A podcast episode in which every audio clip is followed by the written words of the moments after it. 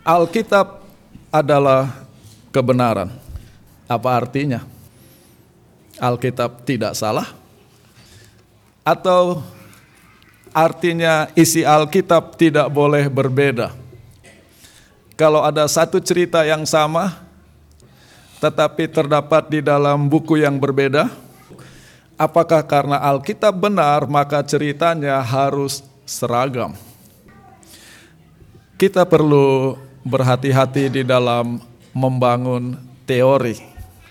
Jangan sampai kita menjadi korban dari teori yang kita ciptakan sendiri.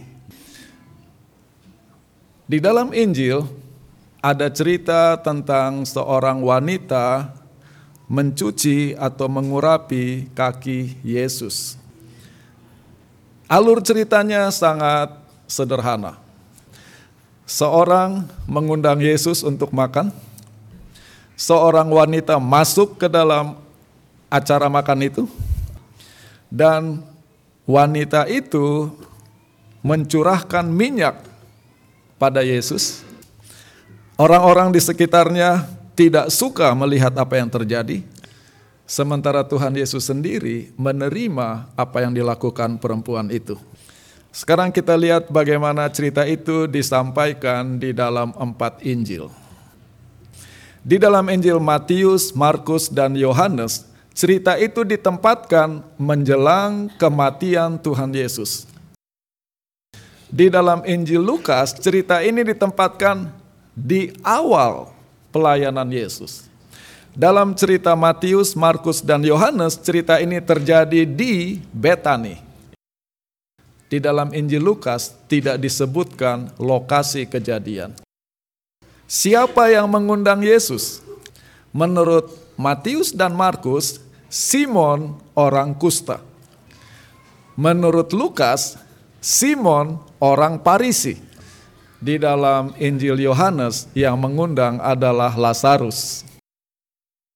Siapa wanita yang masuk? Menurut Matius dan Markus, seorang wanita. Menurut Lukas, seorang wanita yang terkenal sebagai orang berdosa. Di dalam Injil Yohanes, wanita itu adalah Maria. Di mana minyak ditaruh? Menurut Matius dan Markus, di kepala Yesus.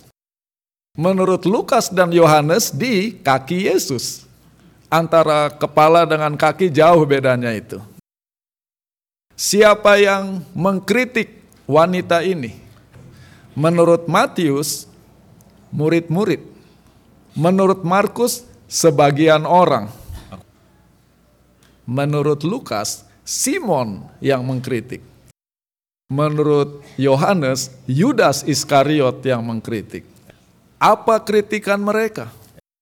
Menurut Matius, Markus, dan Yohanes pemborosan.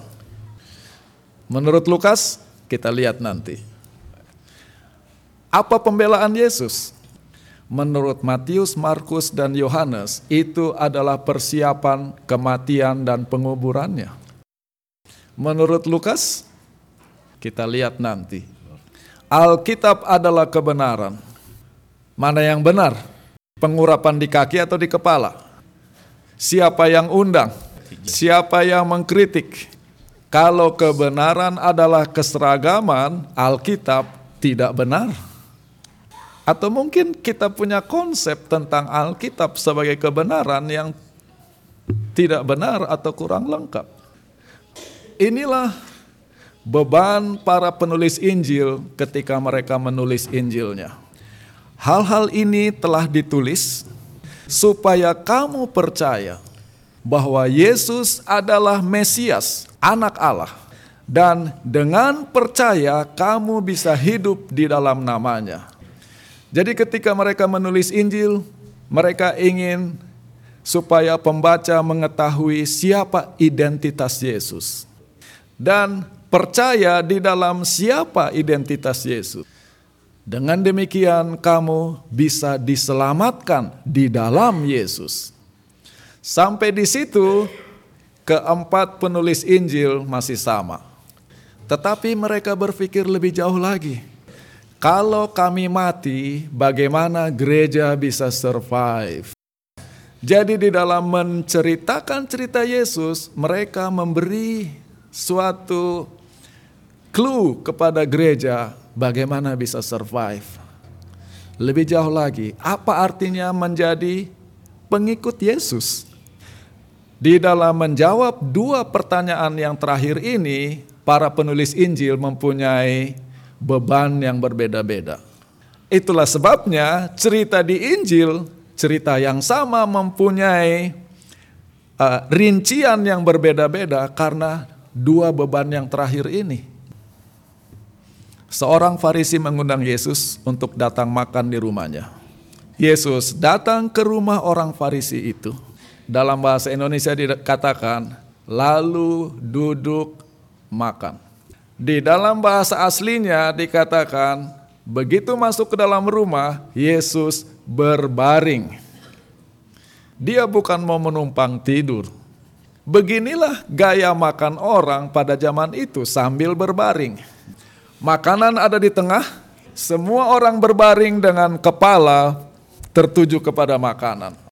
Belum ada AC, belum ada kipas angin, udara sangat panas di Timur Tengah, makanan dengan keringat dengan air liur tercampur semua. Karena mereka kalau ngomong muncrat-muncrat saking semangatnya. Itulah sebabnya mereka sangat hati-hati menerima undangan makan. Karena kalau kau makan dengan orang itu, artinya kamu sudah menerima orang itu sepenuhnya. Ada seorang perempuan di kota itu bahasa Indonesia ditambah kata terkenal, sebetulnya seorang berdosa. Ketika perempuan itu mendengar bahwa Yesus sedang berbaring di rumah orang Parisi, dia membawa sebuah buli-buli pualam berisi minyak wangi yang mahal. Lalu ayatnya mengatakan demikian. Perempuan ini berdiri di belakang Yesus di kakinya. Saudara, bagaimana kalau yes, uh, orang bisa berdiri di kaki Yesus? Apa artinya dia berdiri sambil menginjak kakinya Yesus? Kalau saudara mau menginjak kaki seseorang, saudara harus berada di depan orang itu. Bagaimana saudara bisa berdiri di kaki seseorang padahal saudara di belakang orang itu? Saudara pernah baca Alkitab? Pernah berpikir kalimat di ayat 38 ini tidak normal? berdiri di belakang Yesus di kaki Yesus. Hal ini bisa terjadi hanya kalau Yesus sedang berbaring jadi kakinya di sana, perempuan itu berdiri di kaki Yesus di belakang Yesus yang sedang berbaring. Kalau Yesus sedang duduk, kalimat ini membingungkan. Menurut Matius, para murid tidak suka melihat apa yang terjadi dan mereka mengatakan, pemborosan. Tetapi menurut Lukas, orang Parisi itu yang mengundang Yesus berkata di dalam hatinya, kalau memang orang ini nabi, dia akan tahu siapa dan orang macam apa perempuan ini yang sedang menjamah dia. Dia ini orang berdosa. Tidak ada kritikan tentang pemborosan minyak wangi. Bahkan minyak wangi tidak disinggung sama sekali. Yang jadi persoalan adalah siapa perempuan ini. Bahwa dia adalah seorang berdosa. Menurut Matius, ketika murid-murid mengeluh tentang pemborosan, Yesus katakan biarlah dia sedang mempersiapkan kematian dan penguburan saya. Hanya di dalam Lukas, Yesus menceritakan satu perumpamaan pendek. Seorang yang suka meminjamkan uang mempunyai dua orang berhutang. Yang satu berhutang 500 ribu dolar, yang seorang berhutang 500 dolar. Ketika dua-duanya tidak sanggup bayar, orang itu dalam bahasa Inggris ya dengan penuh help me what is gracious in Indonesian dengan penuh dengan penuh kemurahan menghapus hutang mereka. Di dalam bahasa Indonesia tidak ada kata kemurahan. Hanya hapus hutang. Sekarang kita lihat apa yang sedang terjadi. Ketika Simon melihat Yesus dijamah oleh seorang yang berdosa, dia melihat wanita itu jijik karena berdosa. Matius dan Markus memberitahu kita siapa Simon ini. Orang ini adalah orang kusta yang baru sembuh. Siapa lebih menjijikkan, orang berdosa atau orang kusta? Simon yang baru sembuh kusta, jijik melihat orang berdosa, dia tidak tahu bahwa badannya lebih menjijikkan. Dia heran kenapa Yesus mengizinkan dijamah oleh perempuan yang menjijikkan.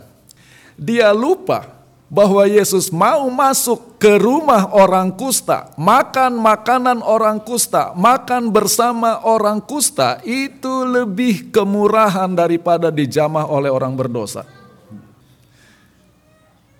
Dia begitu sibuk melihat dosa orang lain sampai dia lupa ketidaklayakan dirinya.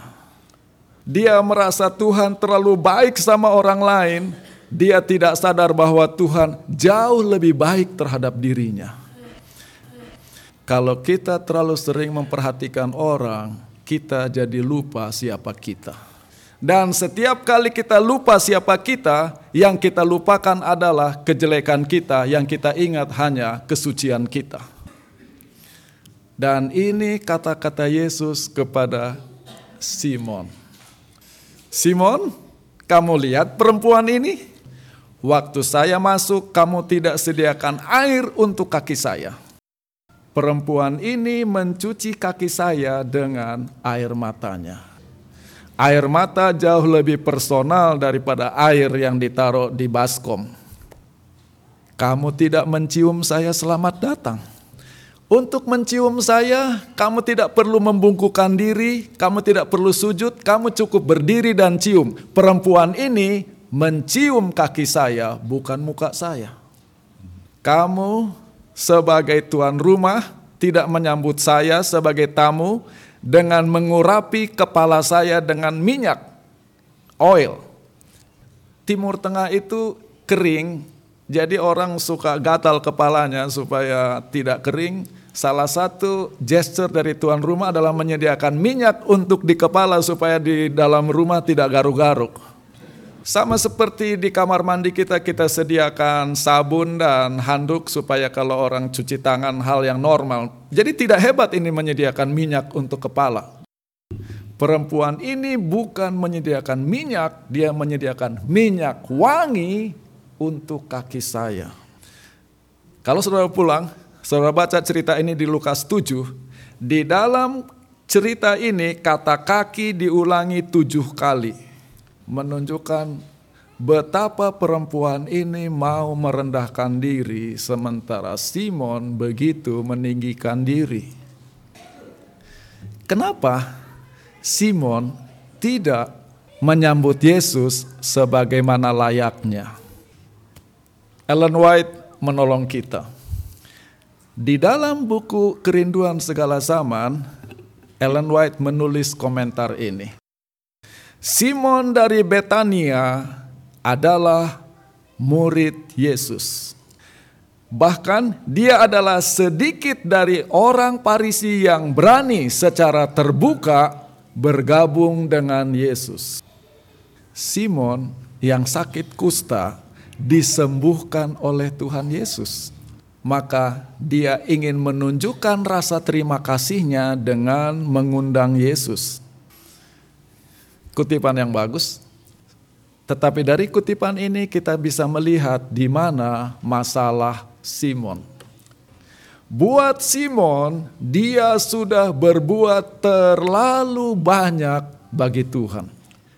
Sebagai orang Parisi, menjadi pengikut Yesus, Yesus harus berhutang sama dia. Lihat saya orang hebat jadi pengikut kamu. Bukan saya mengikut kamu secara terbuka, saya undang kamu makan di rumah saya. Kamu berhutang lebih banyak lagi. Jadi Yesus yang berhutang kepada Simon, bukan Simon berhutang kepada Yesus. Harusnya Yesus yang cium kaki Simon, bukan Simon cium kaki Yesus. Saudara rasa Tuhan hutang kan sama saudara karena saudara susah payah datang ke gereja setiap sabat? Saudara rasa Tuhan berhutang kan karena saudara bergumul supaya berhenti kerja hari sabat? Jadi saudara masuk gereja untuk dipuji oleh Tuhan bukan untuk memuji Tuhan. Makanya gereja ribut terus karena semua orang butuh dipuji, tidak ada yang mau memuji. Karena kita rasa Tuhan yang berhutang kepada kita. Lihat saya yang hebat ini jadi pengikut Tuhan. Kalau saya bilang saudara maksudnya semua orang di dunia ini bukan gereja Upland. Sekarang kita berpikir.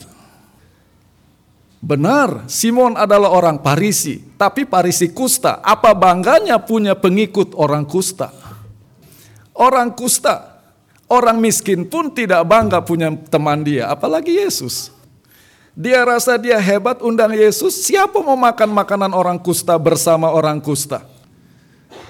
Itulah problemnya. Karena dia berpikir terlalu banyak tentang apa yang dia sudah lakukan bagi Tuhan, sampai dia tidak sadar apa yang Tuhan telah lakukan bagi dia.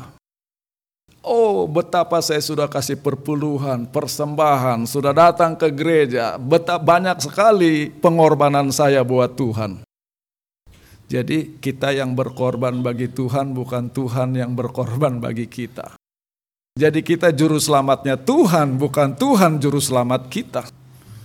Dia lupa bahwa dia sudah disembuhkan. Itulah sebabnya dia tidak sadar bahwa wanita itu sudah diampuni. Pengampunan dan kesembuhan adalah hal yang sama. Kita lupa kita diampuni sampai kita suka hitung-hitung dosa orang. Sekarang kita baca ayat ini lebih jauh lagi. Ada peminjam uang, ada orang yang meminjamkan uang, meminjamkan uang kepada dua orang. Yang satu 500 ribu dolar, yang satu 500 dolar. Boleh saya baca ayat ini berbeda? Versi Hudiart Muskita. Sebetulnya dua orang ini sama-sama berhutang 500 ribu dolar. Bedanya, yang satu jarang berhutang, yang satu biasa berhutang. Jadi bagi yang satu hutang 500 ribu dirasa 500 ribu. Tapi bagi yang biasa hutang, hutang 500 ribu dirasa 500. Saudara bisa berani sekali kamu bilang begitu. Kita baca ayatnya. Ayat 47. Sebab itu aku berkata kepadamu, dosanya yang banyak itu telah diampuni. Tetapi orang yang sedikit diampuni juga sedikit berbuat kasih. Yesus tidak menyebut dosa Simon. Yesus hanya menyebut dosa perempuan itu. Perempuan itu dosanya banyak. Itulah sebabnya dia diampuni banyak. Kenapa Simon diampuni sedikit? Karena dia rasa dosanya sedikit. Padahal dosa dia tidak kalah besarnya dengan dosa perempuan itu, tapi dia rasa dosanya sedikit. Itulah sebabnya pengampunannya sedikit, kasihnya sedikit. Itulah saya punya problem. Saya selalu lihat dosa orang sangat besar, sementara saya melihat dosa saya sangat minimum. Yang rugi saya.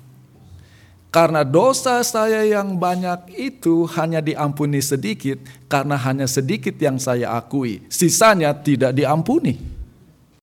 Orang yang merasa dosanya banyak, diakui semua, diampuni semua. Satu lagi, ada satu hal yang menakutkan di dalam ayat ini. Di dalam kata-kata Yesus ada korelasi langsung antara pengampunan dengan kasih yang kita tunjukkan. Kenapa perempuan yang dosanya banyak itu diampuni? Sebab dia telah berbuat banyak kasih. Jadi pengampunan dia tergantung kepada kasih yang dia tunjukkan.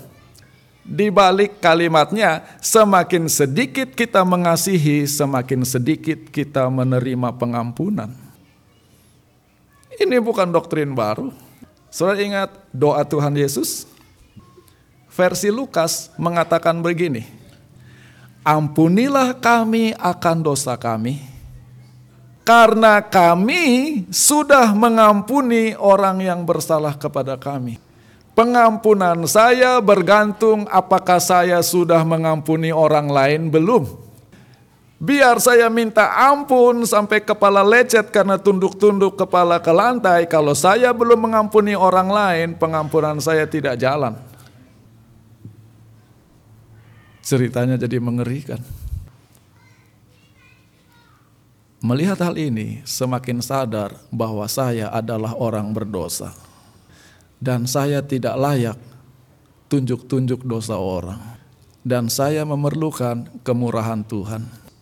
Dan karena saya perlu kemurahan Tuhan, saya akan belajar untuk murah hati kepada orang lain.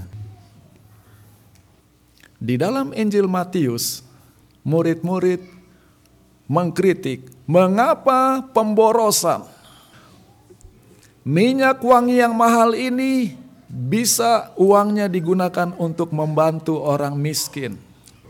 Jawaban Tuhan Yesus di ayat 11 menarik. Kamu akan selalu punya orang miskin di tengah-tengah kamu. Maka sekarang Lukas membongkar cerita itu untuk penekanan yang lain. Sebagaimana kamu akan selalu punya orang miskin di tengah-tengah kamu, kamu akan selalu memiliki orang-orang berdosa di tengah-tengah kamu. Orang miskin adalah orang yang tidak punya banyak harta. Orang berdosa adalah orang yang tidak punya banyak kebaikan dan kebenaran. Kalau kamu begitu concern sama orang miskin yang miskin secara harta, bagaimana kamu punya concern terhadap orang berdosa yang miskin secara kebenaran? Gereja bisa survive hanya kalau kita concern terhadap orang berdosa seperti kita concern terhadap orang miskin. Gereja punya departemen Dorcas, gereja punya departemen sosial, concernnya adalah mencukupkan kebutuhan orang secara materi. Bagaimana dengan departemen pengampunan?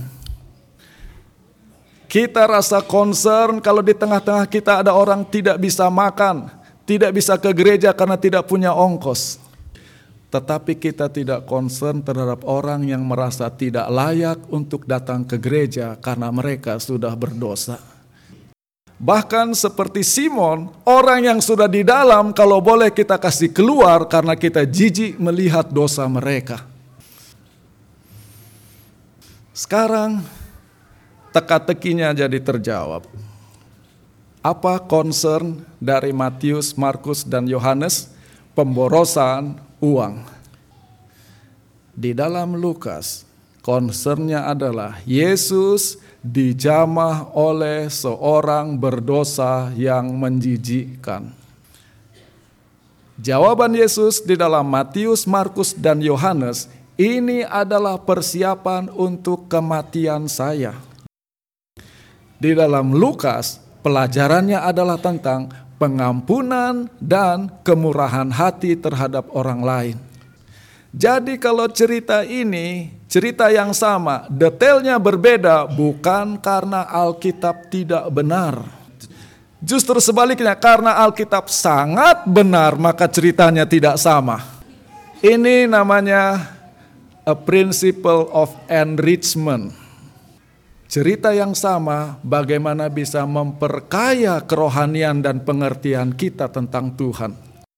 Jadi bukan karena Lukas salah dalam menceritakan ini, dia justru ingin memperkaya pengertian kita tentang cerita ini.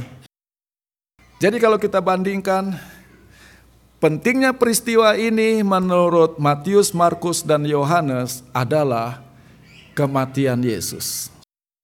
Di dalam Lukas ceritanya adalah cerita pengampunan. Kenapa? Karena Yesus mati untuk mengampuni dosa kita.